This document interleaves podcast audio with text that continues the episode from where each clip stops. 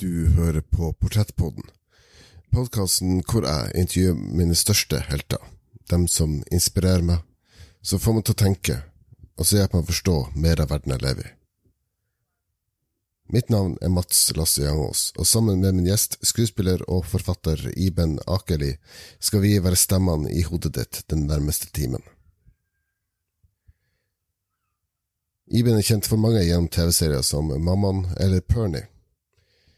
Som forfatter brakdebuterte hun i 2016 med barneboka Lars er lol, en bok som nå er i ferd med å bli filmatisert. Hun fulgte opp suksessen med Kjempefesten, mesterlig illustrert av Inga H. Sætre, og nå nylig kom Sommeren alt skjedde, utgitt på Aschehoug forlag.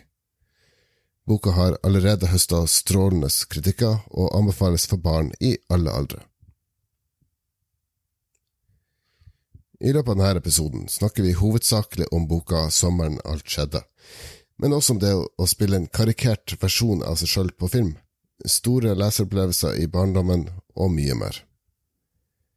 Med det ønsker dere riktig god fornøyelse, og her er Iben Akeli.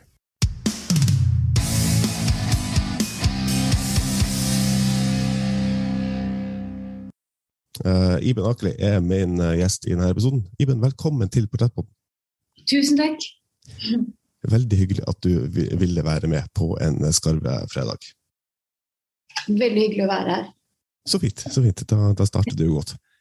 Iben inviterer meg hjem, digitalt vel å merke, til en pent opplyst stue. Utenfor skinner Oslo-sola og kaster en gyllen glød over ansiktet hennes. Når, når, jeg er så heldig å, å få med eh, gjester i dette programmet, som jeg ser veldig opp til, eh, er sjøl inkludert, selvfølgelig, mm. eh, så prøver jeg å gjøre mest mulig research for at eh, man ikke skal gå på en smell og komme med faktafeil. i hvert fall. Det skal jeg holde meg for god for. Um, men når jeg da gjør så variert research som, som, mulig, så plukker jeg blant annet opp at du ikke er sånn kjempefan av podkast i utgangspunktet. Ja, det er ikke fordi jeg ikke er fan av det, det er bare at det er, det er bare ikke inkorporert i hverdagen min. Jeg bare hører veldig lite på podkast. Mm. Jeg Ja. Nei. Det er, på, ja, nei, det er ikke tid, holdt jeg på å si. Nei. De få gangene jeg kanskje hører på det, hvis jeg er ute og kjører og kjører langt og sånn. Mm. Men uh, ja. ja. Det er ikke noe Det er ikke noe Det er ikke altså sånn Det er ikke fordi jeg ikke liker podkast. Ja, okay. Det er bare. For det, altså, første spørsmål for å bryte isen hadde vært hvordan, hvordan, i all verden fikk jeg deg til å si ja, i så fall? Men, eh, men da, ja, nei, altså jeg har etter hvert vært på ganske mange podkaster. Jeg er jo på radio i ny og ne, selv om jeg ikke hører på så mye radio. Mm. Det er jo eh, for min del um, Altså, jeg tenker jo mer på at det er en hyggelig samtale. Ja. Og så er det jo helt ærlig også et kynisk aspekt ved det, at nå kanskje noen av dine lyttere får vite mer om meg og min business, og kanskje mm. løpe til bokhandlerne. Men jeg tenker jo mer også at det liksom Ja, det er jo hyggelig å ha noen samtaler om så de skal luftes for andre eller ikke. Mm. Mm. Ok, men da, da, da, var du ikke så, så, ille som det hørtes ut for meg. Nei. Nei, det er, det er jo som sier, det, det, er jo et kynisk aspekt ved det. Det er jo, det er jo ikke til å stikke under en stol. Um, og det er for så vidt heller ikke til å stikke under den samme stolen at jeg inviterte deg fordi du mm. eh, nettopp har kommet ut med, med ny barnebok. Altså, ja. å være lengst. Ja. Eh, greit å bare ha det unna vei med en gang. Jeg skal, skal si at jeg, at jeg er psykofantic, i hvert fall. Men, eh, men eh, i utgangspunktet vil jeg jo gjerne ha det med, for jeg, jeg ser veldig opp til det. Men uh, det er også fint å ha eh, noe som, som, som, som, som lytterne kan, kan eh, eh, noe håndgripelig som lytterne kan ta med seg mm. videre. Som i dette tilfellet f.eks. Eh, når du har hørt ferdig episoden, spring rett i boken og kjøp 'Sommeren har skjedde'. Det er altså oppfordringen herfra. Sterk oppfordring. Ja. Den passer jo da best for de mellom 9 til 13, som det heter i, i bokbransjen og bokbutikkene. Ja. Så jeg vet ikke helt din, eh, hvem din eh, demografi er, men eh, vi kjenner vel i hvert fall noen som er 90-13, kanskje? Jo da. Hoveddemografien er vel folk på, på vår alder, uten at ja. man nødvendigvis skal avsløre helt, helt, konkret hva det er. Men, men jeg tror de aller fleste har, har et barn i, i nær familie eller, eller vennekrets, eller er ung til sinns, i, i, mitt tilfelle. Ikke sant. Mm. Um, det er jo da en barnebok, 9-13, som vi sa. Vel, veldig bra å få, få det, under en gang. Eh, som det handler om Nora, som skal på verdens kjedeligste sommerferie til mormor på landet. Eh, og som heter Abbas, som har de grønneste øynene, og som gjør helt til most banan i kroppen. Ja. Um, det da, for, for, for, å bare gi litt, litt, sånn feeling av hva vi har i, i vente her, så er det da uh, Som Guri Fjellberg, anmelder i Aftenposten, skriver eh, at ditt litterære univers Iben, er som et eh, varmt humanistisk, hvor alle fortjener å bli sett, selv om de kan være vanskelig å få øye på. Uh, nå vet jeg ikke hvor, hvor, ofte du leser anmeldelser av ting som du, du selv har bidratt til eller er med i, men, men hvordan, hvordan forholder du deg til, til så, sånn varm mottakelse? Jeg leser absolutt anmeldelser, spesielt når det er bøkene mine. og Det er jo liksom alt fra fra hva heter det, det er jo ikke daria.no lenger, men altså sånn alt fra, Det er jo ikke en anmeldelse, men alt fra tilbakemelding fra de, fra de barna som har lest, til det som publiseres i litt større litt større aviser. Absolutt mm. leser jeg det og tar det til meg. og eh, er enig og uenig. Nå har jeg vært utrolig jeg holdt på å si heldig med anmeldelser, men er, jeg, det jeg, tenker at det reflekterer arbeidet. Da. Jeg har jo jobbet veldig hardt med denne boken og, over ganske lang tid, så det, man føler seg jo rett og slett bare veldig sett, da. Mm. Eh, og jeg føler de anmeldelsene jeg har fått, og spesielt den du, du kvoterte nå, har på en måte sett prosjektet, da. Ja. Eh, så det føles bare veldig anerkjennende, egentlig. Mm. Sommeren alt skjedde ble en utrolig fin barnebok. For det Iben klarer å gjøre, er å skape en original fortelling ut fra ei velkjent ramme. Hun skriver underholdende samtidig som hun tar tak i utfordringer som norske barn kan møte hver dag. Det være seg hjemlengsel, forskjellsbehandling, rasisme og så forelskelse, da. Ja, du, du, du, du også sier at det, det, det, reflekterer jo det arbeidet som, som ligger bak. og altså. Apropos kynisk, det er jo selvfølgelig mange anmeldere som får beskjed om å, om å lese en bok, og mm. gir uh, ærlig mening om det er basert på de to timene brukte på å lese den. Mm. Uh, altså når, jeg, når, jeg, leser det du skriver, eller uh, for å ta litt, sånn større perspektiv Når jeg ser, deg som skuespiller, eller, som forfatter, så, så, blir jeg liksom, veldig fengsla av det, det verdensbildet du, du, klarer å skape da, gjennom, gjennom beskrivelser og, og karakterskildringer. Så, så det hvordan er det når altså, det, det, må da føles godt som, som uh, forfatter i dette tilfellet og se svart på hvitt at uh, folk faktisk har skjønt hva du prøver å formidle. Ja. ja det er en veldig veldig ja, tilfredsstillende følelse. Og så er det jo jeg vet ikke, Det gjenstår litt å se med denne siste boken. Da. Det oppnådde jeg føler jeg veldig sterk grad med i hvert fall Lars Erlol, og også for så vidt Kjempefesten. Det der med at når du opplever at de bokene er intendert for, altså barna i aldersgruppen, også har liksom en respons du kanskje håpet på, da, eller i det hele tatt har en respons, mm. Eh, er også liksom vel så mye Eller jeg vet ikke hva som er verdt mer, men både det å på en måte bli sett av andre voksne og kritikere og anmeldere og sånn, men, men i kombinasjon med det det at barna leser. Og det, litt, det mangler jeg litt med den 'Sommeren skjedde'. Den er jo veldig ung ennå, da, så jeg, jeg, tror liksom ikke det har kommet så langt til at eh, barna har fått satt seg ned og i det hele tatt gitt meg tilbakemelding. Men det er jeg fortsatt veldig spent på, da, å få høre fra liksom, noen, som, noen, barn som faktisk har lest. Mm. Um, og om de på en måte skjønner prosjektet. da. Mm. Altså, jeg jeg, jeg, jeg syns uh, den boka var, var, var, veldig fin for alt det, det er verdt. Men uh, som sagt, jeg er jo ikke i målgruppa. Men, uh, Nei. Ja. Nei, men den handler jo om forelskelse og du vet, mos banan og alt det der. Kan, det er jo veldig universelt. Det er jo ikke aldersbestemt. Um, så selv om settingen er barnslig på den Ikke barnslig, men barnlig på den måten at det er Nora på 10-11 som forteller, så tror jeg ganske mange voksne også kan, kan ha glede av den. Jeg tror den kan oppleves ganske sånn nostalgisk, egentlig. Mm. Fordi det er jo en slags sånn kompilasjon av liksom somre som barn. Ja. Og det er jo en veldig sånn, det er jo en kapsel av liksom sånn alt det som er sommer. veldig sånn Uten at det er et kammerspill, så er det, et veldig sånn, det er en veldig begrenset verden som er veldig veldig sommerlig, som jeg tror mange kan på en måte eh, Om ikke liksom et direkte flashback, men få en slags sånn følelse av hvordan det var å være barn om sommeren. da. Mm. er jo liksom kanskje for de litt eldre leserne. Mm. ja det, det, er en ting jeg ble, ble slått av. Umiddelbart få, få, få, få bilder i, i, i, hodet av noen uh, somre i barndommen, og det på det får veldig, veldig direkte og intens nostalgi og et ønske om å kunne dra tilbake til den tida hvor det, det, det, verste som kunne skje med deg, var at du ble most banan i kroppen, og at ja. han eller hun du likte, kanskje ikke likte deg tilbake. Det, liksom, mm. det, var det, var det, største problemet du hadde i livet. Mm. Um, og fast forward til man, uh, man er på papiret voksen, i hvert fall. Og um, ja.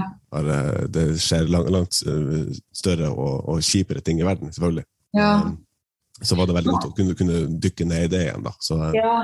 Nå føler jeg at dette kanskje er første sommeren Nora, i hvert fall kanskje også Abbas, kjenner på voksne problemer. Da. De møter jo plutselig noe som er større ikke, Det er jo ikke større enn det å være forelsket, men det er noe helt annet og veldig problematisk på en veldig reell måte. Da de, jeg vet ikke hvor mye jeg skal røpe, men det står jo altså De møter jo en, en rett og slett en rasist. Mm. Som ikke er så grei mot uh, Abbas. Og i det så møter jo også hva skal jeg si, det er, jo, det er jo litt sånn Noras møte med seg selv i møte med rasismen, da, om man kan si det sånn. Mm. Så det er jo også det er litt den der første sommeren mellom voksne og barn òg, hvor de plutselig, plutselig så er problemene mer reelle enn at man er sommerforelsket. da. Mm. Men en god blanding, kanskje, da. Jo.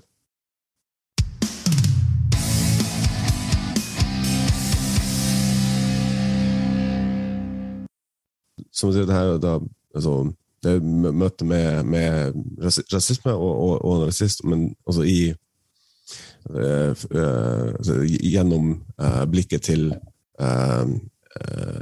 jenter på, på, på, på mm. inn i, i tenåringslivet. da. Mm. Lars og Lol er om, om Lars som har Downs syndrom og utviklingshemming, og på det, det hvordan kan man kalle gruppepress, gjør at man kanskje eh, ja. eh, gjør ting og sier ting man ikke burde gjort. da.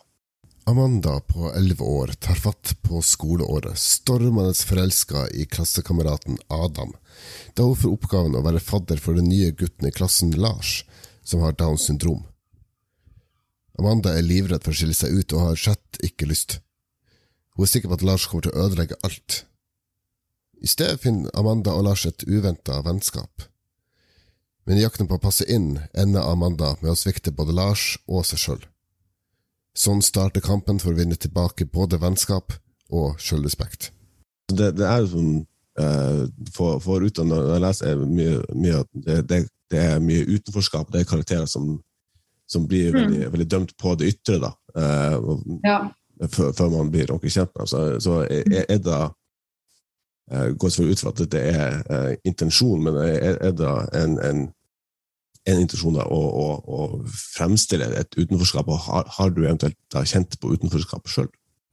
Ja, altså nå kan du si som det handler på mange måter, det handler om utenforskap og annerledeshet. og på den måten også på mange måter normalitet. Og så er det jo felles ved alle de tre bøkene at perspektivet og historien fortelles fra en som kanskje per definisjon ikke er utenfor, eller ikke liksom opplever annerledeshet på den måten som de møter. Altså både kanskje unntatt, Nå er kjempefesten for litt yngre, mm. så det er ikke like tilspisset der. Men både Amanda i Lars Halol og eh, Nora her i 'Sommeren alt skjedde' er jo annerledes. De er veldig redd for å skille seg ut og være annerledes. Og så møter de noe som er i forhold til den verden de lever i, enda mer annerledes. Mm. Så det er jo på en måte Det er vel ment som refleksjoner rundt det å være annerledes, og hvorfor på en måte vi lever i en verden hvor noe Det er jo litt det der med at ting og tang og mennesker blir identifisert ut ifra en normal. da. Mm. Og hvorfor det er sånn, og hvordan vi har kommet dit. Og jeg syns det er veldig interessante spørsmål nettopp for den målgruppen eller i den alderen. Fordi det er så mye snakk om å være seg selv og være unik. Og ha egne meninger og alt det der, samtidig som det er et veldig sterkt press på å passe inn. Ja. Og på ikke skille seg ut. Mm. Og det tror jeg veldig mange i den Jeg opplever det også når jeg er ute og snakker med, med barn og er på sånn, ja, leser og er på skoler og sånn, at de er veldig sånn Det er noe som har slått dem opp, og hvor de selv egentlig ikke har konkludert, for det er jo på en måte ikke noe Det er jo ikke så mye å konkludere med. Men det er jo sånn, man kommer jo ofte frem til, da, som jeg også gjør i bøkene, at det er jo heldigvis plass til liksom mange forskjellige forskjellige former i det vi kaller et fellesskap. Da. Men, Mm. eh, men så jeg tror ikke jeg heller har liksom konkludert med noe som helst annet enn at eh, det skal være rom for mye og mangt. Ja. Em, men ja, det er jo det er helt, eller ganske åpenbart en rød tråd da, i, Mm. I det lille forfatterskapet. Ja. Mm. Ja, og det, det, det er også så fint. Det, nå har jo selvfølgelig heldigvis uh, litteratur utvikla seg uh, langt siden uh, vi, vi var barn, kan man si. Uh, og den, Mm. den, den moralistiske pekefingeren har uh, sakte, men sikkert uh, gått lenger og lenger vekk fra den tydelige rollen den hadde i, i litteraturen tidligere. Ja, han Eh, har kanskje det. Ja, eh, det er fall det inntrykket jeg var da. Ja. Um, det, det, det, det skjer ikke kjipe ting med karakteren for at leseren sjøl skal lære at det der burde du ikke si til folk. Nei, sånn sett. Det er kanskje liksom mer åpen for refleksjon og diskusjon, men Ja. jeg, kanskje bare jeg følte jeg leste veldig mye tull. Jeg, altså sånn, jeg føler ofte at jeg kan bli for moralistisk hvis jeg Nå prøver jeg ikke å gjøre det for mye, da, men å sammenligne meg med f.eks. sånn Roald Dahl, og det er jo helt klart en, en moral og en agenda med de bøkene òg, men der føler jeg det er mye mer sånn pakket inn i tull og tøys enn det jeg klarer, eller det som er mitt prosjekt. Jeg, jeg kan føle at jeg er liksom bitte litt for liksom eh, pedagogisk. Mm. Men, men jeg, jeg føler jo altså, sånn, Jeg jo klarer jo, eller formår jo liksom pakke det inn med driv og og action. Men eh, ja, jeg har faktisk tenkt på at jeg kanskje er litt for ja, for pekepinnete, da. Mm. Men jeg vet ikke. Det er jo, jeg føler også at den generasjonen som vokser opp nå, er veldig politisk. Ja. Er veldig sånn opptatt av Kanskje også fordi vi lever i en mer politisk verden, jeg vet ikke helt. Men, men det, det virker som de er, har refleksjoner rundt også det som skjer i den store verden, og liksom Kanskje større spørsmål enn jeg, reflekterte rundt da jeg var på den alderen. Mm. Selvfølgelig spesielt med klimaendringer, men også altså, Ja. Det er krig, det er liksom Mm. Det virker som nesten er mer vant til store spørsmål på en eller annen måte. Ja, så tror jeg også det, det altså man eh, Man har liksom litt, litt mer inn innunder huden at det, man må faktisk la sin stemme bli hørt og sette seg inn i, i viktige ting òg. Mm. Jeg tror altså, altså, når- når jeg var ni-ti år gammel, jeg tror det største jeg tenkte på, når kommer neste Harry Potter-boka, og hvorfor Ja. kom den ikke i går? Mm. Eh, Harry Potter er fantastisk. da. Jeg legger ikke skjul på det er en av mine største litterære opplevelser på veldig mange måter. Det er, helt, mm. det er en helt egen følelse. Ja. Mm. Ja. Det er, en slags, det er jo en sterk moral der òg, da. Jo da. Men uh, ja. Ja, men igjen det er jo pakka inn i, en- i en i, altså bokstavelig magisk Mm. verden, så at det, Mm. det sitter ikke nødvendigvis en eh, moralistisk eh, eh, forfattersnobb og sier at ja, sånn, sånn, sånn skal barn være, og sånn må vi oppføre oss. Nei. Eh, Skal ikke nødvendigvis si så veldig mye om J.K. Rowling i denne episoden. Uh, det kan bli en veldig lang episode i så fall. Men, uh, men, men ha- ha- Harry Potter har jo vært formende for en hel eh, generasjon. også de som, som, som er voksen nå, og som er profesjonelle i feltet. Så, så eh, ikke nødvendigvis for å legge ord i munnen men hva, hva var da din, din, største leseopplevelse som barn som gjorde at du, du, virkelig levde deg inn i historien, og for at uh, det her er noe jeg har lyst til å gjøre sjøl en dag? Ja, jeg, jeg, tror ikke jeg tenkte det da jeg var barn. At da jeg leste de at det ville jeg gjøre da jeg var stor. Men jeg hadde helt klart store leseropplevelser som barn. Mm. Harry Potter var jo de da begynte jeg å lese De leste jeg jo selv. De hadde jeg store store leseropplevelser med. Mm. Og det var jo, jeg var jo ikke alene om det. Det er jo sånn hva heter det, leselyst og lesing blant barn var veldig på vei ned akkurat da Harry Potter kom. Og så var det liksom sånn på, kjempevei opp igjen. Men jeg leste mye før det. Jeg leste veldig mye Roald Dahl. Mm. Heksene og sånn gjorde det var jo sinnssykt inntrykk på meg. Mm. Det er også en annen bok som heter 'Jim Knapp og lokomotivfører Lukas', som er helt sånn eh, Jeg har glemt hva han heter. Tysk forfatter. Forfatteren hun Iben har glemt navnet på, er det Michael Ende. Uh, skrev blant annet også Momo, som var en av mine favorittbøker da jeg vokste opp. Uh, men jeg er kanskje mest kjent for uh, Never Ending Story. Søstrene mine, den ble lest for oss. Vi kunne bare sitte sånn og også sånn en bok du har lest nok ganger til at du på en måte du trenger ikke å starte på nytt. Du kan bare hoppe inn mm. og liksom vite akkurat hvor du er. og på en måte Hvis du bare skal tilbake til en eller annen følelse sånn, mm. som beroliger deg på en eller annen måte. Og så hadde jeg virkelig også Da må jeg, jeg ikke så mye eldre, men, men Klaus Hagerup, altså Markus og jentene Markus og Diana var helt sånn og den tror jeg, jeg, jeg, jeg hørte den på liksom lydbok. Lå liksom med vennene og hørte den på lydbok og liksom ville ikke gjøre noe annet. Mm. Og så Satsiki-bøkene ja. var veldig gjorde liksom De var liksom bare veldig kule. Mm. Det var jo liksom kule bøker. Så ja, og jeg, ja, det vet jeg ikke når lenge siden jeg har vært i en barnebursdag. Men vi var jo som, det var jo som oftest liksom en bok du ga da, når du mm. skulle i bursdag. Eh, ja. Mm. Til vi ble litt eldre, i hvert fall. Jo.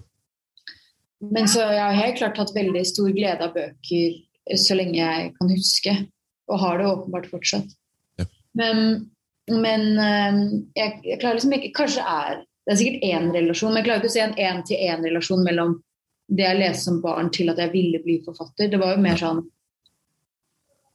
det føles, men det føles ut som det ene følte til det andre, og så Nå sitter jeg her på podkasten. mm. Eh, men ja. Jeg er veldig takknemlig, i hvert fall. Jo, jeg har det veldig gøy mm. med det jeg gjør. Jeg skal, uh, før vi uh, begynner å bevege oss for mye inn på, på andre uh, tema, som vi selvfølgelig skal, skal innom, så ba jo deg før vi starter opptak, om du kanskje kunne lese litt utdrag fra Sommeren? Ja, det kan jeg veldig gjerne gjøre. Det litt rart Jeg må tenke at jeg leser for flere enn deg. Da. Veldig ja. sånn. Men ok, skal jeg bare lese? Ja, når du er klar. Du har jo sagt litt om eh, forhistorien, og sånn, men Nora er jo da hos mormor for, egentlig for første gang på ordentlig. da, at Hun er sammen med mormor alene. Mm. Og så har hun vært ute og utforsket litt i skogen, og så har hun vært på en eng hvor hun plutselig på en måte sto overfor en gutt og ikke turte å være der, som løp derfra. Ja. Nå er det gått noen dager, og hun er i butikken med mormor. Mm. Og det skjer det jeg skal lese. Jeg runder et hjørne og stanser. Ved frysedisken noen meter foran meg står gutten fra i går. Hjertet mitt stopper. Så begynner det å slå igjen, hardere. Gutten står ved siden av en mann som bøyer hele kroppen ned mot de frosne grønnsakene. Gutten ser seg rundt, og jeg blir redd for at han skal se meg, så jeg rygger bak potetgullhylla. Så gløtter jeg forsiktig tilbake. Mannen har rettet seg opp fra frysedisken og rekker en pose med frosne erter til gutten, som slenger den ned i en handlekurv. Der er du! Jeg skvetter. Mormor står veldig nærme, nesten som om hun henger over meg. Fornøyd med å ha funnet meg, marsjerer hun videre forbi potetgullhylla. Kom, sier hun, og jeg følger ordre. Vi går rett mot gutten og mannen, som nå myser ned mot en handlelapp. Jeg tør nesten ikke se opp, men idet vi nærmer oss, er det som om øynene mine bestemmer over hjernen, og jeg gjør det likevel. Gutten ser ned. Hei, Sayed. Jeg skvetter og stanser samtidig. Mormor har hilst på mannen. Hei, Wendy, sier han og gir mormor et kort smil. Alt bra? fortsetter mormor. Jo da, sier Sayed høflig, mens han fortsetter å fikle med handlelappen. Mormor blir stående før hun sier med ukarakteristisk myk stemme Godt å se dere. Sayed smiler kort igjen. Mormor vender blikket mot gutten. Hei, Abbas. Hei, svarer gutten. I et minisekund møtes øynene våre før begge ser vekk. Det er vanskelig å forklare hva som skjer med kroppen min i det sekundet, men det er litt som om alle cellene danser og ikke sammen, men hver for seg, sånn at jeg plutselig kjenner det mest i brystet, før det kribler i magen, eller det føles som om det prikker utenpå halsen. Han har de grønneste øynene jeg noen gang har sett. Dette er Nora, fortsetter mormor og nikker mot meg. Jeg konsentrerer meg om mine egne fingre, som om det er første gang jeg oppdager at jeg har dem. Mormor fortsetter. Hun er barnebarnet mitt og skal være her en stund. Kanskje dere to kunne ha funnet på noe en dag? Jeg blir så flau at jeg nesten besvimer, og griper tak i hylla med sukker og mel ved siden av meg. Mormor stirrer på Abbas, som smiler høflig tilbake. mm, eh, ja, det kan vi sikkert. Jeg merker Sayed ser fra meg til Abbas og tilbake. Kanskje i morgen, foreslår mormor. Verken Abbas eller jeg svarer. Jeg synes at jeg ser Sayed dulte hånden i ryggen til Abbas, som retter seg opp. Um, ja, vi kan jo møtes på sletta, f.eks. Inne i skogen, spør mormor og ser ned på meg. Vet du hvor det er, da? Jeg stirrer på en pakke med melis og nikker svakt. Klokka elleve, sier mormor. Jeg gløtter så vidt bort på Abbas. Ja, sier han. Sayed åpner munnen som for å si noe, men blir avbrutt av mormor. Flott, da sier du sånn. Så går hun så raskt at jeg blir stående alene med Sayed og Abbas i to sekunder før jeg skynder meg etter. Jeg ser meg ikke tilbake, så dum er jeg ikke, men jeg synes jeg kjenner noe i ryggen, som om et blikk henger igjen der. Eller kanskje ikke. Jeg ser meg ikke tilbake før vi er fremme ved bilen igjen. Dvs. Si etter at vi har betalt og pakket varene i poser, etter at mormor har hilst på en bekjent utenfor butikken, og etter at vi har gått hele veien tilbake over parkeringsplassen. Da ser jeg meg tilbake. Abbas står ved siden av Sayed utenfor butikken. Han har en bærepose i hver hånd og ser i bakken, mens faren står og snakker i mobilen mens han gestikulerer med den ledige hånden. Hopp inn, sier mormor. Hæ?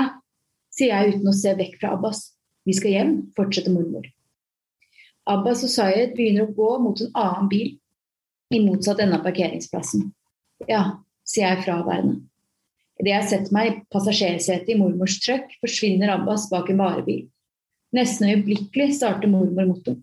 Misse våkner fra kattedrømmen sin med et mjau. Og før jeg rekker å finne Abbas på den andre siden av varebilen, er mormor på vei ut av parkeringsplassen. Hun svinger skarpt ut på veien. Hvordan kjenner du gutten i butikken? spør jeg så naturlig jeg klarer. Jeg har kjent faren hans lenge, svarer mormor. I mange år. Så da har du kjent Abbas lenge også? prøver jeg meg. Mormor fester grepet om rattet. Ja, siden han ble født. Hun tråkker på gassen, og bilen kjører enda fortere. Han er en god gutt, sier hun høyt for å overdøve vinden fra det åpne vinduet. Jeg er sikker på at dere vil få det gøy sammen. Jeg blir varm i ansiktet, og vi snakker om noe annet. Jeg ser bort på mormor og det grå håret som flagrer bak henne. Hvor lenge har du hatt grått hår? spør jeg. Lenge, svarer mormor. Men før det var det rødt, sier jeg. Stemmer, svarer mormor, som flammer som flammer og akkurat som mitt. Men ellers er vi helt forskjellige. Åkrene farer forbi og blir til én. Jeg lurer på hva jeg skal gjøre med all den tiden som finnes mellom nå og klokka elleve i morgen. Jeg lurer på om den vil gå fort, sånn som den har gjort fra da mamma bestemte at jeg skulle være her og frem til nå. Eller sakte, som når mattetimen aldri slutter, eller julaften aldri kommer.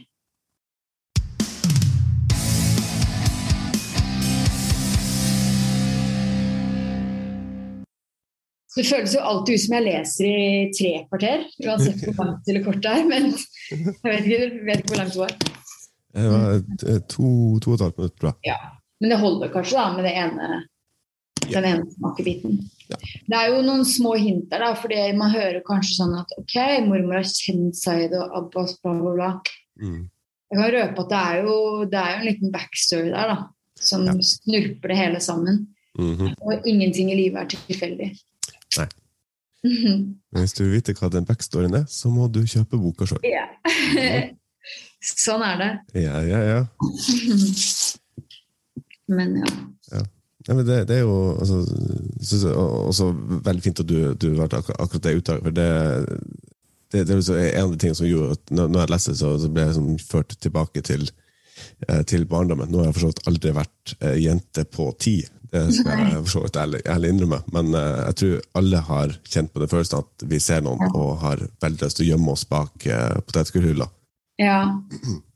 Jeg tror den er Jeg tror den er veldig universal. Mm. Og hvis du ikke har på en måte opplevd det ennå, så har du, tror jeg du har det til gode. For jeg tror liksom alle på en eller annen gang, et eller annet, på et eller annet tidspunkt i livet, så gjemmer de seg bak potetgullhull. Mm. ja, altså det, det, det, er jo et, eh, også en måte å, å, å, skrive på, ikke, ikke, for å gå veldig sånn, teknisk inn på det, men det, altså, man har sånn korte, uh, korte setninger. Det går, går hvis tempoet er man, man, man kjenner uh, umiddelbart den, den den følelsen som, som, som Nora har, da. Mm. Uh, og man, man, ja, man kjenner automatisk den trangen sjøl til å legge boka fra seg fram til Abbas har, har gått vekk. Ja.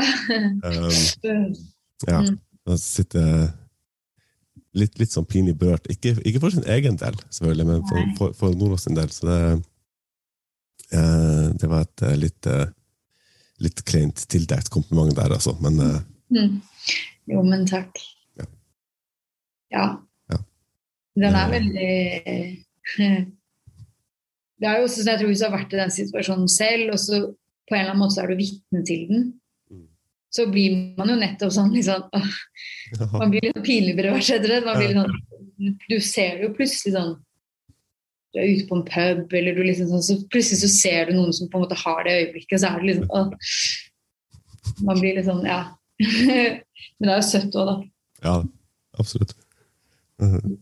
Så det er også artig for min del nå, det er selvfølgelig ikke det er nødvendigvis uh, universelt, men uh, det, jeg har også blitt, blitt spurt eh, veldig mange ganger når fikk du grått hår? og Oh, ja. så, så det, det, kjente jeg også igjen i. Så jeg, kan identifisere meg med, med, så, med så mangt i ditt forfatterskap. Ja. Det setter jeg veldig pris på. ja. Det var ikke nødvendigvis rødt som flamme, men eh, det var Var det rødt som flamme før? Nei, det, det, var, det, var, ikke nødvendigvis det. Men uh, jeg ble ikke født med grått hår, i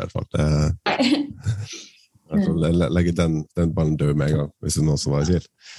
Um, som du sier, det, det, det, snurper seg til, og det, det utvikler seg jo selvfølgelig i en, uh, i en retning som man også som leser tenker at det er det her uh, vil man helst unngå. uh, Sammenligner litt med en sånn følelse av å se på en skrekkfilm.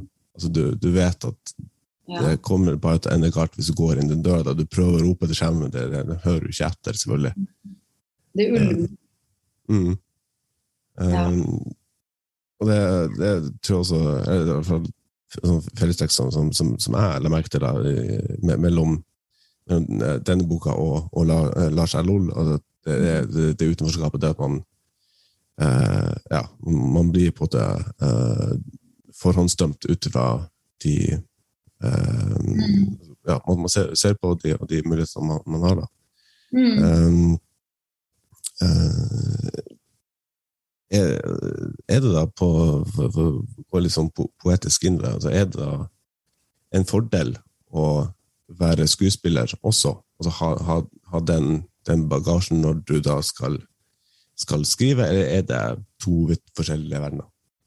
Nei, det tror jeg ikke jeg kan påstå at det er. Det er jo en del av det å fortelle historier, begge deler. Mm.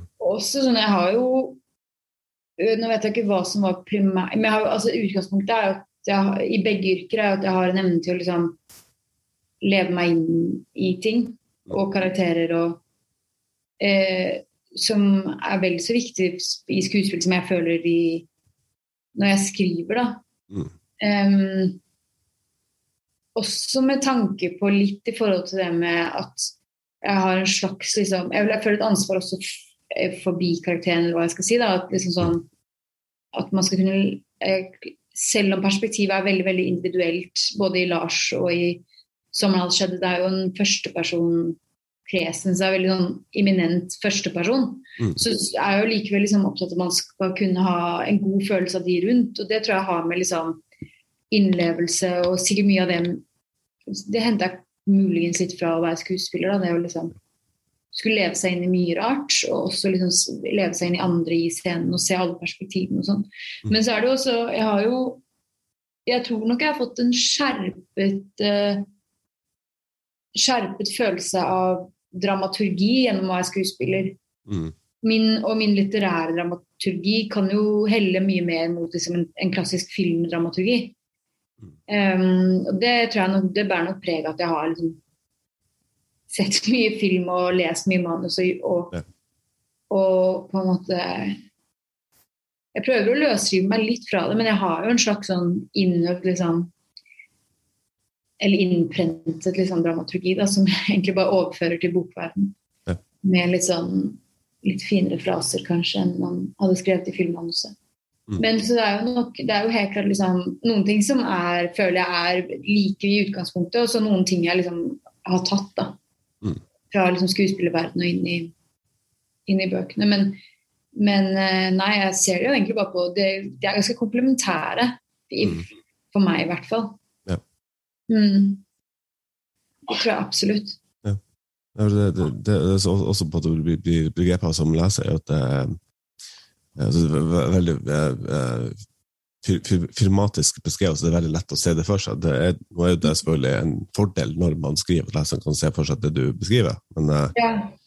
Eh, ja. ja, det er en fordel. Jeg tenker det også sånn eh, er en fordel for, for gruppen, holdt jeg på å si. da. Mm. At det er liksom Men det er jo noe med at man skal jo Det er jo veldig viktig på film òg, men det er jo vel så viktig I hvert fall sånn Jeg unngår jo stedsnavn og sånn. Mm.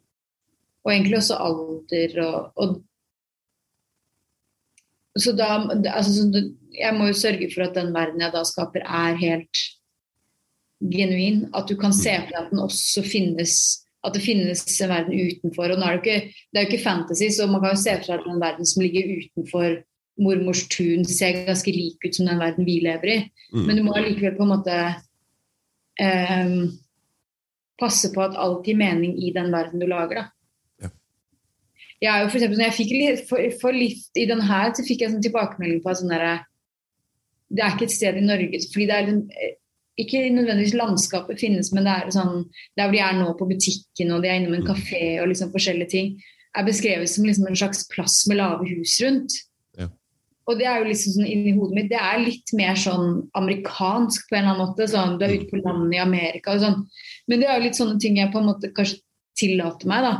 Istedenfor å beskrive det akkurat sånn det er på når du stopper på vei til fra, fra Oslo til Trondheim. Da, så stopper du kanskje på altså, Så jeg tillater meg liksom litt sånn litt sånne ting, men allikevel liksom sørge for at det, det, er, det, er, en helt ekte verden. Mm. Selv om den, de snakker norsk, og det kunne like godt vært Norge, så er det liksom ja. Det er ikke så viktig for meg at det må Jeg trenger ikke å skrive hvilken gate de er i, og akkurat hvordan husene er og at det huset finnes i den gaten. Mm. Det gjør det kanskje også lettere innbille meg for, for, leserne å, å, leve seg inn i verden når man vet at det, det, det her kunne skjedd på hytta tre ja. kjøretur fra der jeg bor. liksom. Ja, det er ganske bevisst. Jeg tror det er mange som, i hvert fall med barnebøker, som gjør det. Mm. Nå eh, er jo Det samme er faktisk tilfellet med både Lars Alol og Kjempefesten. Mm. Men nå skal vi jo lage film av Lars Alol. Ja. Lars Elol, debutroman, vant Arks barnebokpris og ble nominert til Bokhandlerprisen.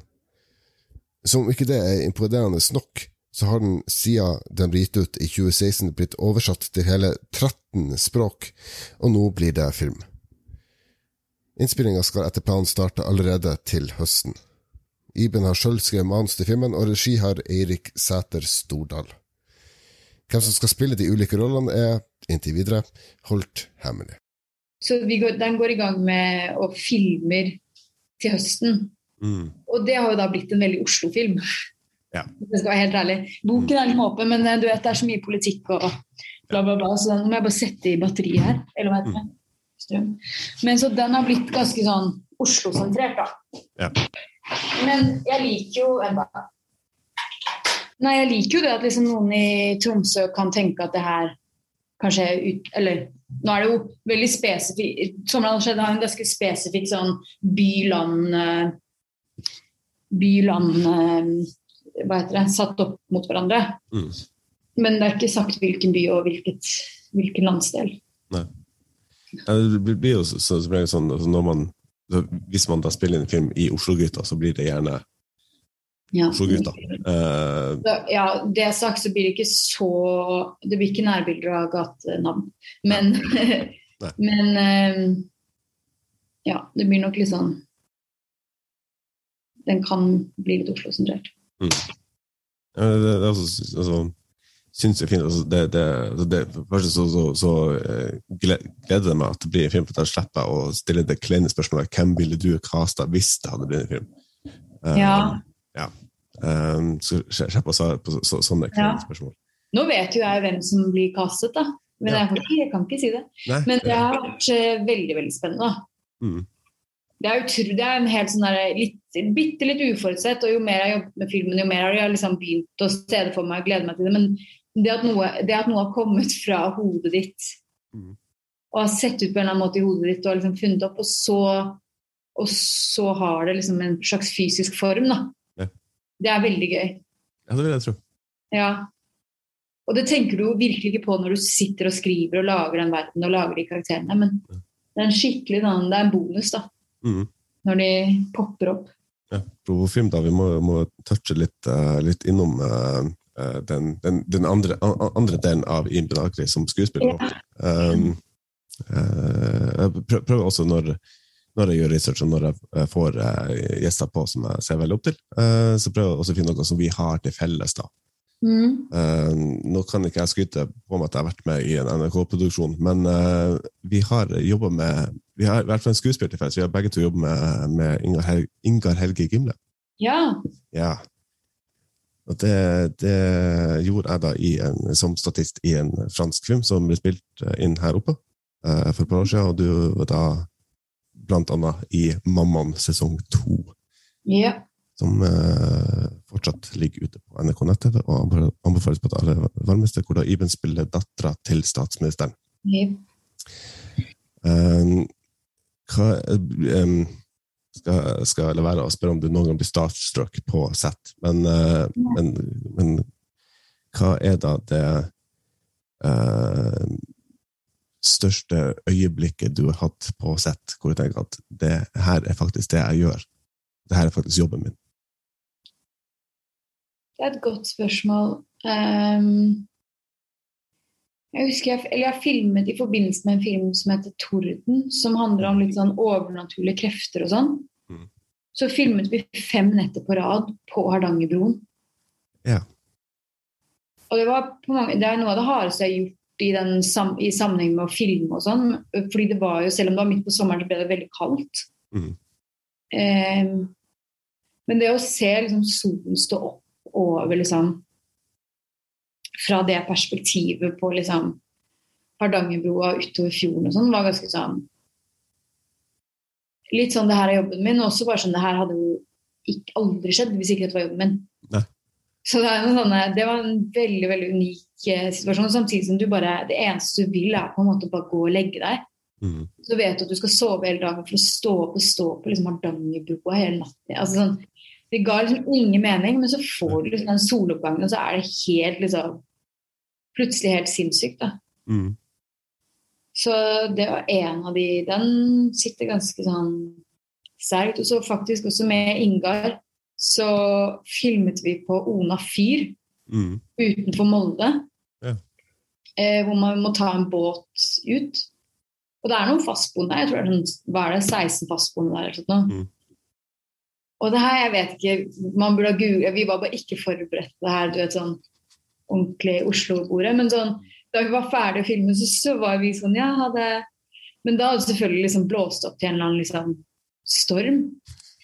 Og så husker jeg da båten kommer for å liksom legge til kai, men det, det kan den jo ikke. Nei. Og vi skjønner ingenting. Vi bare sånn, hva mener det? Bare, vi vet ikke når den kommer tilbake, liksom. Og de som bor der, de bare nei, nei, men vi har hermetikk i en sånn kjeller vi har gravd ned, og det går fint, liksom. Men jeg husker bare sånn står der med Ingar og Benjamin Helstad, og vi er liksom virkelig alle sånn ganske sånn Ja. her fra flatlandet, liksom. Mm. Så det var ganske sånn Jeg husker vi bare sto der og så den der båten bare vingle av gårde på bølgene og ikke vite når vi skulle tilbake. Var litt sånn Mm. Men da er det godt å være i det laget. da. Ingar, jeg og Ingar har hatt ganske mange prosjekter sammen, så det er alltid hyggelig å det er alltid hyggelig å være på, fast på nøye med han, da, i så fall. Ja. Men eh, ja, nei, jeg tror nok jeg setter pris på mange av de liksom, naturopplevelsene, om jeg kan kalle det det. Men litt sånn veldig spesielle locations som man på en måte ikke kommer forbi Som jeg ikke tror jeg hadde oppsøkt selv. Det setter, jeg, det setter jeg alltid pris på, faktisk. Mm.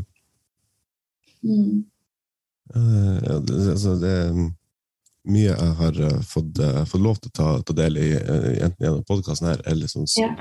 ve veldig små ting i, i filmverdenen. Men det er altså, et av de, de største altså De, de øyeblikkene som sitter, sitter sterkest i, er å altså Etter filming, etter, altså når man er ferdig på jobb og bare sitter og Mm. prater fag med Ingar Hauge Gimle til, Ja. i de sene nattetimer i midn nordnorsk midnattssol. Og det, Ja, ja, det, det, altså det, altså det, det er en fyr jeg ville altså Jeg ville nesten betalt han for å få lov å være med i filmene. Men, eh, ja. Han er en sånn jukebox, historiejukebox. ja. Du må putte på en, lit, en liten krone, så kommer det en ny. Ja. Nei, Han har veldig gode historier. Mm. Altså, s- skuespillere, det er jeg tror ikke jeg trenger å forklare det, det til noen, tror de aller fleste eh, vet, men, men altså, skuespillere er jo uh, forplikta. Eh, det er jo i uh, yrkesbeskrivelsen at man skal gi troverdig eh, tolkning av en, en annen person og Ja. en persons eh, liv gjennom 90 minutter, som regel. eh, i, i film, eller kanskje lenger, lenge på TV. Eh, og du har gjort eh, veldig mye variert opp, igjen gjennom karrieren allerede. Men det er en ting som jeg, egentlig to ting som jeg, som jeg bet meg merke til. Det ene er da Prosjekt Z. Ja. Eh, og da skal jeg selvfølgelig gi litt mer background på det, for det må man kanskje forklare litt. Men, eh, ja. men alt i alt, eh, Iben Akeli spiller da Iben Akeli. Mm. Hvordan, hvordan føles det? føles veldig, altså, jeg, det, er, det er et av de morsomste prosjektene jeg har vært med på fra liksom, Jeg husker jeg leste manus og bare sånn Det var helt hysterisk. Det er jo en veldig det er jo en sjangerhybrid. ikke sant? Det er en blanding av veldig mye rart. Ja. Eh, og når jeg sitter her, jeg merker når jeg sitter og snakker om det, at det gir ingen mening på en måte før, du, før man liksom har sett det. Men det er jo det handler jo om eh, en gruppe med filmstudenter som skal lage en film. Så du ser på en måte både den filmen studentene lager, og på en måte alt som skjer utenfor. da. Og alt som skjer utenfor, det er jo det man kaller found footage. Det er liksom satt sammen sånn dokumentarisk Mm. av det de liksom fant igjen da, fra den produksjonen. Fordi jeg kan røpe at det gikk ikke så bra med den produksjonen. En gjeng filmstudenter tar med seg tre arbeidsledige skuespillere til et nedlagt motell i den norske fjellheimen for å lage zombiefilm.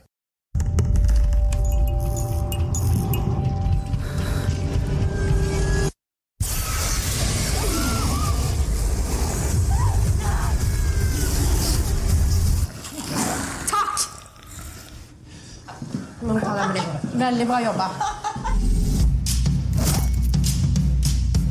Dennis Storøy spiller zombie i en studentfilm som heter eh, De døde våkner. Tolv tredje. Nei, det var meg. Jeg er med konseptet med zombier. Jævlig rart. Det her er min film, min visjon. Og jeg syns dere gjør en kjempebra jobb. Å, takk! Dritbra jobba. Deres fiksjon blir brått virkelighet når en ukjent skapning begynner å terrorisere filmsettet. Å, i helvete! En meteoritt har slått. Men må, må vi gå så veldig nærme, da? Sjekk det da.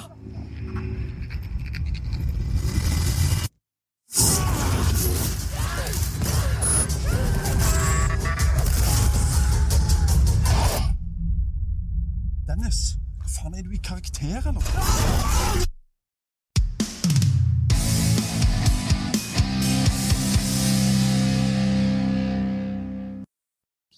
Der hvor skolefilmen handler om zombier, så handler på en måte den ekte filmen om aliens. Ja. Så det er liksom, hvis du liker sånne ting, så får du liksom alt, da. Men så jeg spiller jo meg selv i da rammefortellingen, om du vil. Mm. Og så spiller jeg jo da Rebekka i studentfilmen, så jeg spiller jo meg selv som spiller Rebekka i.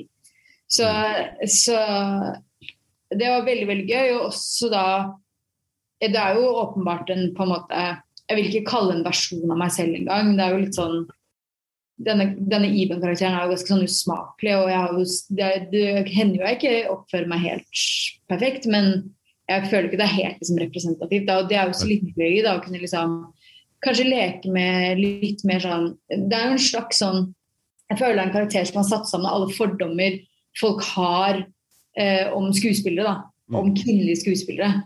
Mm. Så det er jo en slags sånn hyper eh, eh, Ja, en slags hyperfordom come to life Ja. i den karakteren. Og det er veldig, jeg syns det er veldig gøy. Og så også på en måte den karakteren hun spiller, er jo en slags sånn En slags parodi på kvinner som spiller i skrekkfilm. Eller altså sånn. Ja. Så det er jo uten at noe av det blir liksom Jeg syns det er veldig, veldig balansert og veldig fint løst i den filmen, fordi det er ikke liksom Det er ikke bad taste. Det er liksom det er jo Selv om det er liksom bitte litt skrudd opp, så er det ikke Det er ikke liksom eh, hva kall, Det er ikke hyperbolt, på en måte. Så ja, jeg syns det var veldig, veldig gøy, morsomt grep. da. Mm. Det er et veldig morsomt prosjekt. Ja. Det kom dessverre under pandemien, så det var ikke så mange som fikk se den på kino, men den ligger ute nå, tror jeg, på Netflix. Ja. Ja. Den, eh, også en, nok en anbefaling i løpet av denne Ja. eh, episoden. Eh, skriv ned. Det kommer flere. Spol tilbake. ja, vi, Men ja. mm. Ja, det, det, det, altså, en eh, ytterpunkt da har vi da eh, det å spille seg sjøl, som eh, jeg, jeg tror ut, fra min spede erfaring mm, også- er, må være veldig gøy. For det, det, eh, man, man får liksom så, eh, ja, tenkt litt annerledes liksom, sånn fagmessig. Man, man, man, man trenger ikke nødvendigvis å, å forestille seg hvordan det ville vært i den situasjonen, fordi du kan liksom gå med, mer eller mindre med på ditt, ditt eget liv da, i en veldig karikert form. Uh, så hvis du har det på den ene ekstreme enden, og på den andre ekstreme enden, så har du spilt Kjell Aukrust. ja, jeg vet det. Jeg glemmer det nesten. Ja. Det er også helt absurd. Ja. Jeg vet ikke om det heter å ha spilt eh, eh, Aukrust på den måten, for jeg er jo Der er jeg også på en måte meg selv. Jo. Det, er jo en veldig sånn, jeg er jo ikke, det høres ut som jeg kledde meg ut som Kjell Aukrust. Det, det har altså, De altså, som har sett det, det er jo virkelig bare sånn Det er bare meg selv som liksom sier ting han har sagt og leser og sånn. Men eh, det er veldig gøy. Jeg er veldig glad for at jeg gjorde det prosjektet. Det var også veldig sånn pandemiprosjekt og veldig sånn ankom fra liksom Ikke kunne se for seg i det hele tatt. Serien hvor Iben spiller i enorme hermetegn, spiller Kjell Aukrust, er en dokumentarserie i tre deler produsert av NRK og heter Aukrust Gud velsigne vår Herre. Jorden var øde og tom, og Guds ånd svevde over vannet. Da sa Gud, bli lys. Og det ble lys. Dette var den første arbeidsdagen. I dette gode arbeidslyset skapte han senere Nord-Gudbrandsdøler og Sørøsterdøler. Samarbeidet mellom disse frambrakte 19.3.1920 en urolig krabat. Denne ble i Alvdals kirkebøker innregistrert under navnet Kjell Aukrust. Det var veldig gøy. Og det er også en av mine jeg, beste sånn film på jobbdager. er jo sånn, Vi fikk jo kjøre rundt i sånn, jeg vet ikke hva det heter, er med sånn ekte altså racerbil Porsche. Mm. Som går fra sånn 0 til 200. Altså det er helt sånn, du, må, du er sånn, du tar rattet inn og ut. Når du setter deg, så tar du det opp og fester det. mm. Så det, er, det var også helt sånn en ganske sinnssyk dag på jobb inni liksom, inni Hedmarken der. Bare råde rundt på sånn landeveier i en Porsche. det, det, ikke- det er ikke hver dag man gjør det, i hvert fall. Nei. Nei. Jeg setter veldig pris på de dagene òg. Ja, ja. Fra meg selv til Kjell Aukrust. ja. Det ja. Sitter nå og tenker Åh, hvorfor spurte han ikke om det her? Eller hvis jeg kunne stilt Iben ett spørsmål, så hadde det vært det her. Vel, det kan du. Ønsker du å få ditt spørsmål stilt i en fremtidig episode? Ønsker du å få vite på forhånd hvem neste gjest er? Vil du foreslå gjester? Alt det her og mye mer kan du gjøre hvis du støtter Portrettpodden på Patreon.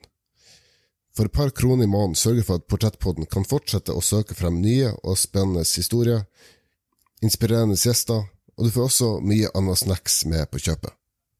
Hvert lille bidrag gjør en enorm forskjell.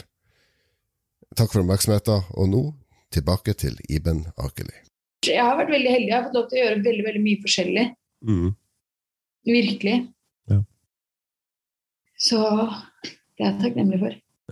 Eh, my mye i din eh, filmografi som eh, er selvfølgelig er veldig, veldig glad i å, å sette høyt, men også veldig mye i, i det du har spilt som jeg har kjent meg igjen i. Ikke nødvendig- nødvendigvis det å være Iben Akeli, for det Nei. Nei.